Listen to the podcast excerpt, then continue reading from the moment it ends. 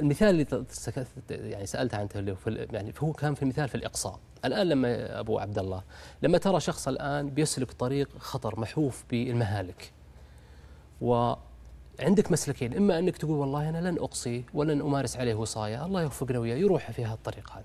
أو أنك تجي وحريص عليه ويا ابن الحلال وصدقني الطريق هذا خطر صدقني يعني ستذهب في مهلكة.